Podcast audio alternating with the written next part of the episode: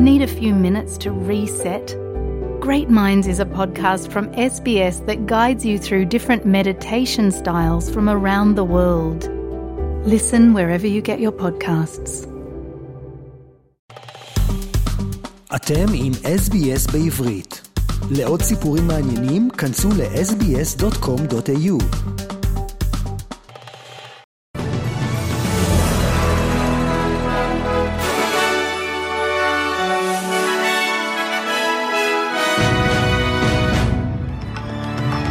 חדר החדשות של SBS והרי סיכום החדשות של השבוע שחלף.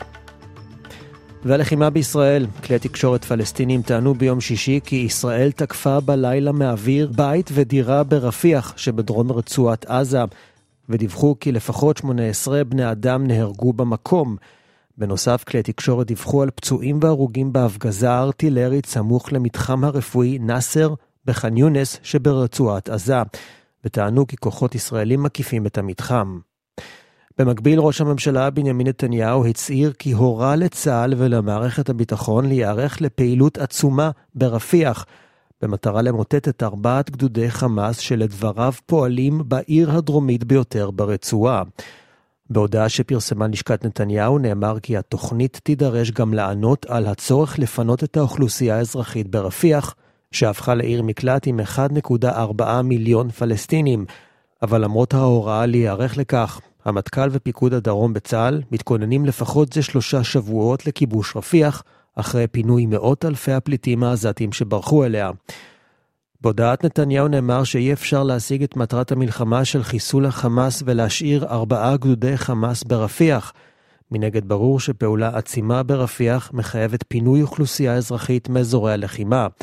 לכן ראש הממשלה הנחה את צה"ל ומערכת הביטחון להביא לקבינט תוכנית כפולה, הן לפינוי אוכלוסייה והן למיטוט הגדודים. גורם ישראלי אמר כי לפני מבצע ברפיח, ישראל תאפשר לארגן פינוי של אזרחים מהעיר, שרובם הגיעו אליה מצפון הרצועה, בחזרה לכיוון צפון. ההתעקשות של נתניהו מעוררת, כך נראה, תסכול גובר בוושינגטון, וביום חמישי החריף הנשיא ג'ו ביידן באופן חריג למדי את הביקורת שלו על ישראל. הוא הצהיר שהתגובה שלה בעזה היא מוגזמת. I'm of the view, as you know, that the conduct of the response in Gaza, in the Gaza Strip, has been um, over the top. דבריו של נשיא ארצות הברית ג'ו ביידן. ולחזית הצפונית, סוריה האשימה את ישראל ביום שישי כי ישראל תקפה באמצעות טילים באזור כפרים ממערב לבירה דמשק. לפי דיווח של סוכנות הידיעות הסורית הרשמית סאנה, מערכות ההגנה האוויריות יירטו כמה טילים ששוגרו על ידי ישראל. הסוכנות דיווחה מפי גורם צבאי כי התקיפה הישראלית התבצעה מאזור רמת הגולן, וכי נגרם נזק לרכוש. למרות שסאנה לא דיווחה על נפגעים, אתר החדשות כל הבירה, המזוהה עם האופוזיציה הסורית, דיווח מפי מקורות כי לפחות שני בני אדם נהרגו באזור העיירה אדימאס שממערב לדמשק. ולאור המצב בישראל, ולראשונה בתולדות המדינה, דירוג האשראי של ישראל הופחת ביום שישי. חברת דירוג האשראי הבינלאומית מודיס, אחת משתי החברות הגדולות והנחשבות בעולם, הודיע ביום שישי על הורדת דירוג האשראי של מדינת ישראל לרמה של A2. החברה אף הוסיפה להורדת הדירוג תחזית שלילית, שעלולה להוביל להורדת דירוג נוספת, אם מצבה הביטחוני, הגיאופוליטי והכלכלי של ישראל יורע בקרוב בשל המלחמה בעזה, או עקב פתיחת חזית נוספת בצפון.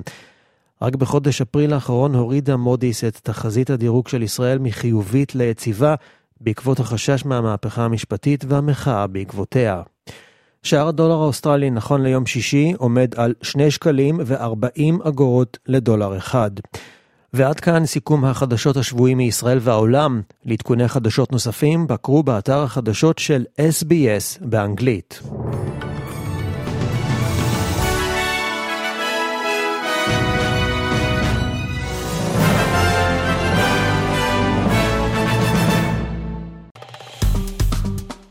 עקבו אחרינו והפיצו אותנו דרך דף הפייסבוק שלנו.